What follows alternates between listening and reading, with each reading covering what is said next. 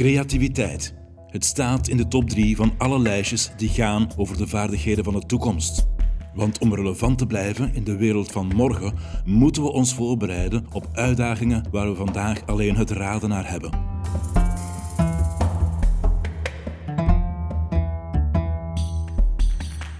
Mijn naam is Walter van der Velde en ik weet wel iets over creativiteit.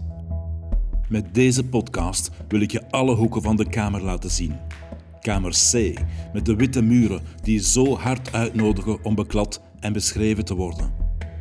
Kom erin en laat de deur maar wagenwijd open.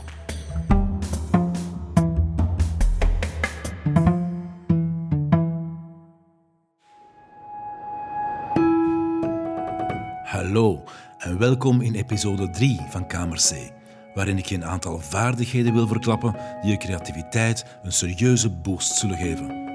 Eigenlijk wil ik er vijf belichten, maar in deze episode ga ik me tot de eerste twee beperken. De volgende drie zijn voor episode 4. Zo houden we het spannend. Ik ga je uitleggen waarom het beter is even je mond te houden wanneer iemand jou zijn idee uit de doeken doet. En ik zal het ook hebben over de frustraties die ik had als ontwerper wanneer ik op zoek was naar een geweldig idee voor de klant. Creativiteit en de vaardigheden die we daarvoor nodig hebben. Ik wens je veel luisterplezier.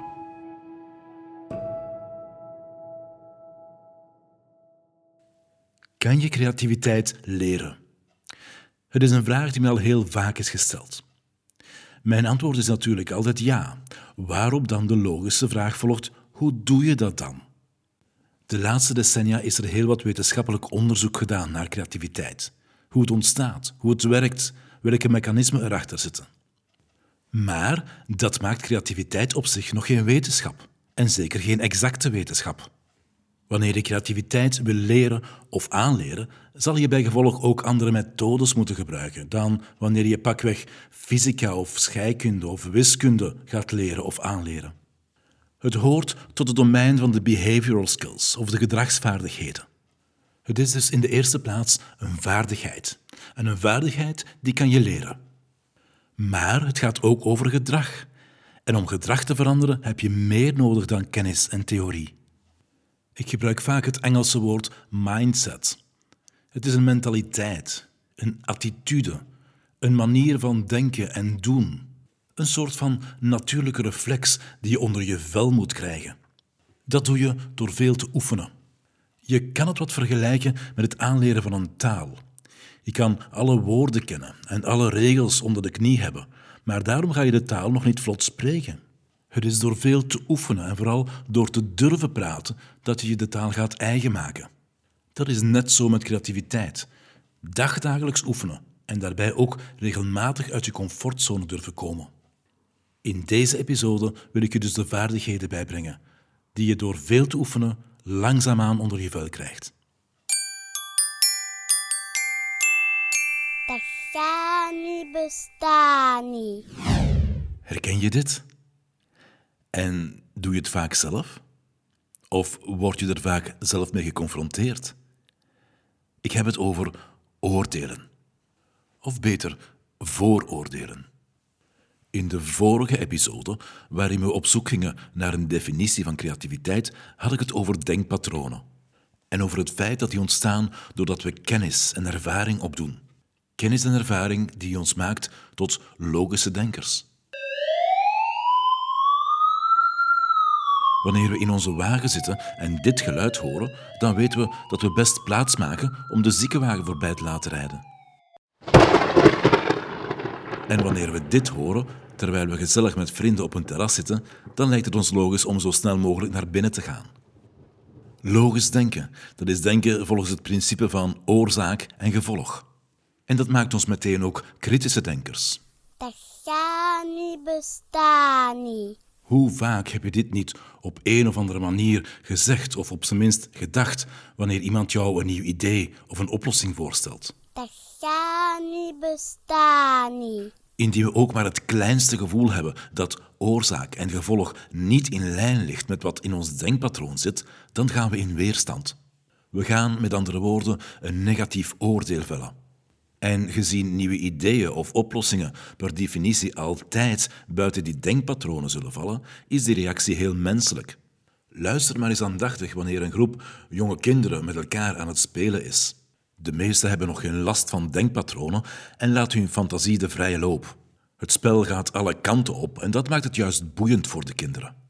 Maar heel soms is er eentje bij die het beter weet, want zijn papa heeft gezegd dat dat niet kan. En wanneer die wijsneus dan ook nog wat invloed heeft, dan zal het spel heel snel stilvallen en dus gedaan met het plezier. Als volwassenen naar kinderen toe weten we dat we dat niet mogen doen. We gaan mee in die fantasie. Want we denken, ach, het is maar een kind en spelen en fantaseren, dat hoort erbij. Maar wat doen we indien het geen kind is, maar een volwassene die zijn verbeelding laat spreken? Dan gaan we net, zoals die wijsneus onder de kinderen zeggen, Niet. snel oordelen dus. En daarmee meteen een nieuw idee of oplossing naar de prullenmand verwijzen. Dit soort attitude wordt nog versterkt in een professionele omgeving. Op het werk wordt er van ons verwacht dat we kritisch, scherp en alert zijn. Het hoort bij onze professionele competenties. En het is een competentie die we maar al te graag bewijzen aan andere collega's. En soms heeft het zelfs iets van haantjesgedrag. Kijk eens hoe slim, hoe scherp ik ben. Ik heb dat heel vaak meegemaakt in mijn job als creative director wanneer ik bij de klant een nieuw communicatievoorstel moest verdedigen. Zeker in het begin van mijn carrière, toen ik dacht dat om een zo groot mogelijk draagvlak te creëren, ik ook een zo groot mogelijke groep rond dat communicatievoorstel moest verzamelen. Een fout die me duur is komen te staan. Want wanneer een groep collega's zich samen over een creatief voorstel buigt, zullen er altijd wel een paar zijn die dat haantjesgedrag vertonen. En heel vaak gaat dat oordeel dan niet over het voorstel dat op tafel ligt, maar eerder als een demonstratie van hun eigen competentie en ervaring. Wat je dan ook merkt, is dat dit snel aanstekelijk wordt. Andere collega's die misschien oorspronkelijk een positief oordeel hadden, of misschien helemaal geen oordeel, gaan al snel op de kar springen en meegaan in dat afbraakproces. De gevolgen zijn natuurlijk heel nefast en er zijn al heel wat goede ideeën op die manier gesneuveld. En ik hoor je nu denken: mogen we dan niet meer oordelen? Natuurlijk mag dat. Maar het is van belang wanneer je oordeelt. En dat heeft veel te maken met al dan niet actief luisteren. Vele mensen gaan luisteren met de intentie om een intelligent antwoord te geven. Het is soms sterker dan onszelf en het vraagt echt oefening om niet in die val te trappen. Begrijp me niet verkeerd. Ik pleit er niet voor dat je gaat luisteren als een spons en alles maar absorbeert. Tracht eerder een trampoline te zijn. Want wanneer iemand op een trampoline springt, dan wordt hij teruggeveerd en de hoogte ingeduwd. Actief luisteren betekent dus opvangen wat de persoon zegt en terugkaatsen. Dat terugkaatsen doe je door middel van vragen te stellen. Positieve vragen die aantonen dat je wel degelijk geluisterd hebt, maar dat er misschien nog een paar onduidelijkheden zijn waar je graag een antwoord op wil. Op die manier ga je je gesprekspartner ook helpen om de gaten in zijn idee te dichten en het ook sterker te maken.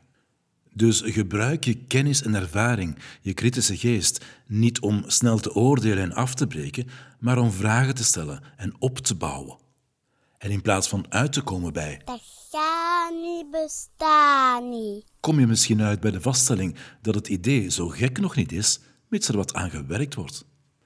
Bij de warenhuisketen Colruyt hebben ze dat goed begrepen en hebben ze daarom jaren geleden al de groene telefoon geïnstalleerd. Die telefoon was enkel bestemd voor medewerkers die een nieuw idee hadden of een oplossing voor een bestaand probleem en dat wilden communiceren. Als medewerker wist je dat jouw idee terechtkwam rechtstreeks bij de mensen die daarmee ook iets gingen aanvangen. Zo kon je de verschillende managementniveaus vermijden die kans maakten jouw idee te blokkeren door te vroeg te oordelen. Intussen is die groene telefoon door een digitaal ideeënplatform vervangen, maar de idee erachter blijft dezelfde. Trouwens, nog een principe van Colruyt is om bij elk idee te vragen wat het gaat opbrengen en niet wat het gaat kosten. Het is een belangrijke nuance die het bedenken van ideeën stimuleert. Over het uitstellen van je oordeel kan ik nog uren praten, maar ik wil hiermee afsluiten. Een idee is zoals een klein zaadje. En wanneer ik een zaadje in jouw hand leg, Ervan uitgaande dat je geen bioloog bent, dan kan jij onmogelijk weten wat daar gaat uitkomen. Is dat een lekkere vrucht? Is dat een mooie bloem? Of is dat gewoon onkruid? Dat weet je niet. Om dat te weten te komen, moet je het zaadje de kans geven om te groeien, liefst in vruchtbare grond. En wanneer het volledig tot bloei is gekomen en je ziet wat er uit het zaadje is gegroeid, dan kan je oordelen wat je ermee doet. Stel je oordeel uit en bouw verder op ideeën. En dat geldt ook voor jouw eigen ideeën. En met deze eerste vaardigheid ben je al goed op weg om een creatief denker te worden.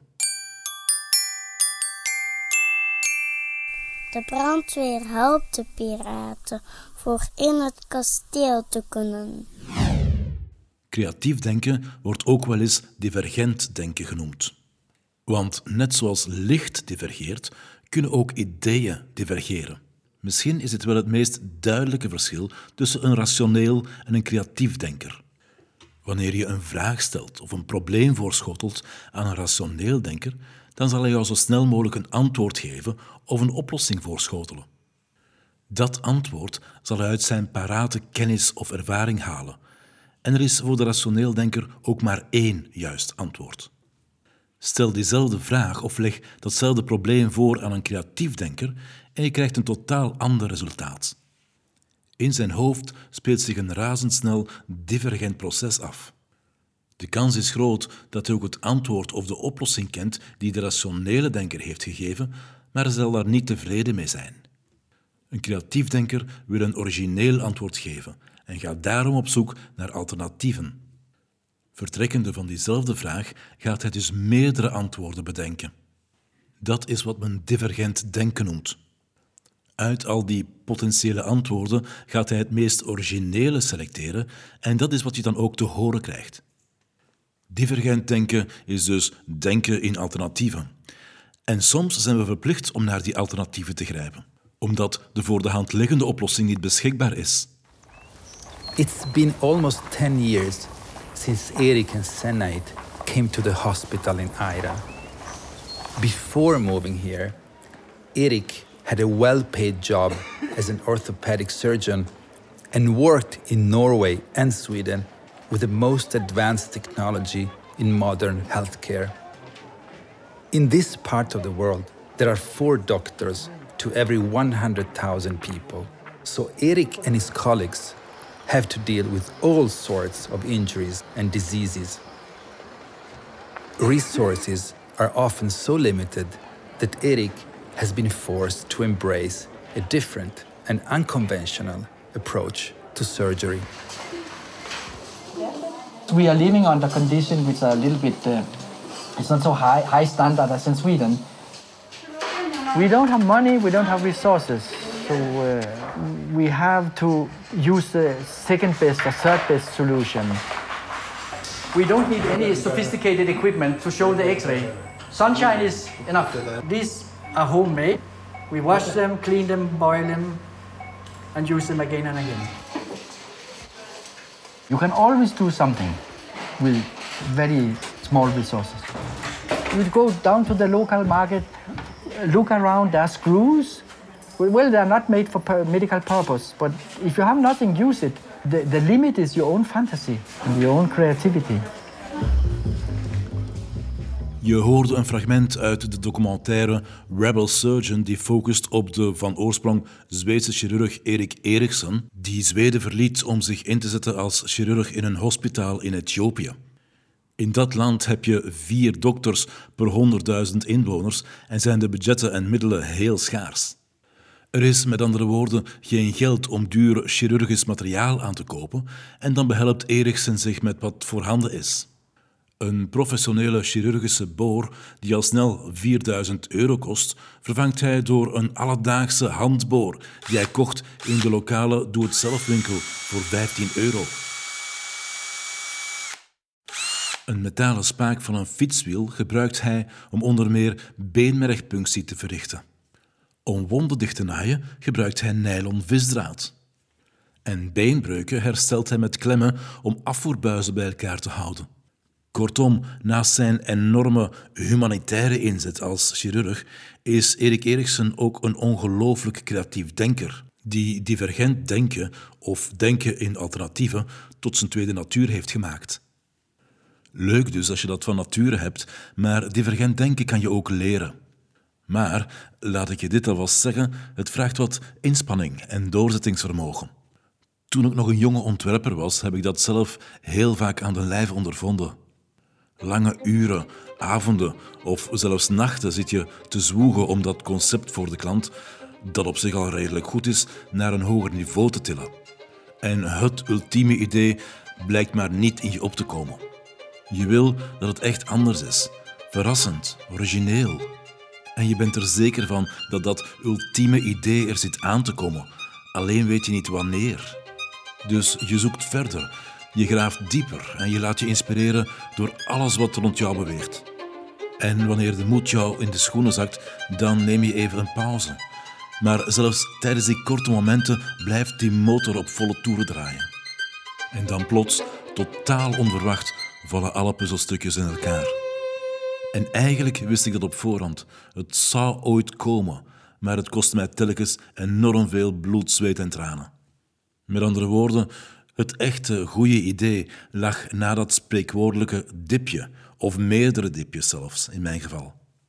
Dus het was telkens een kwestie van doorzetten en niet opgeven.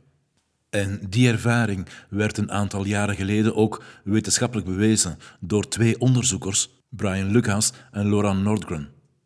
Via een aantal experimenten toonden de onderzoekers aan dat mensen over het algemeen het aantal ideeën dat ze kunnen bedenken voor het oplossen van een bepaald probleem serieus onderschatten.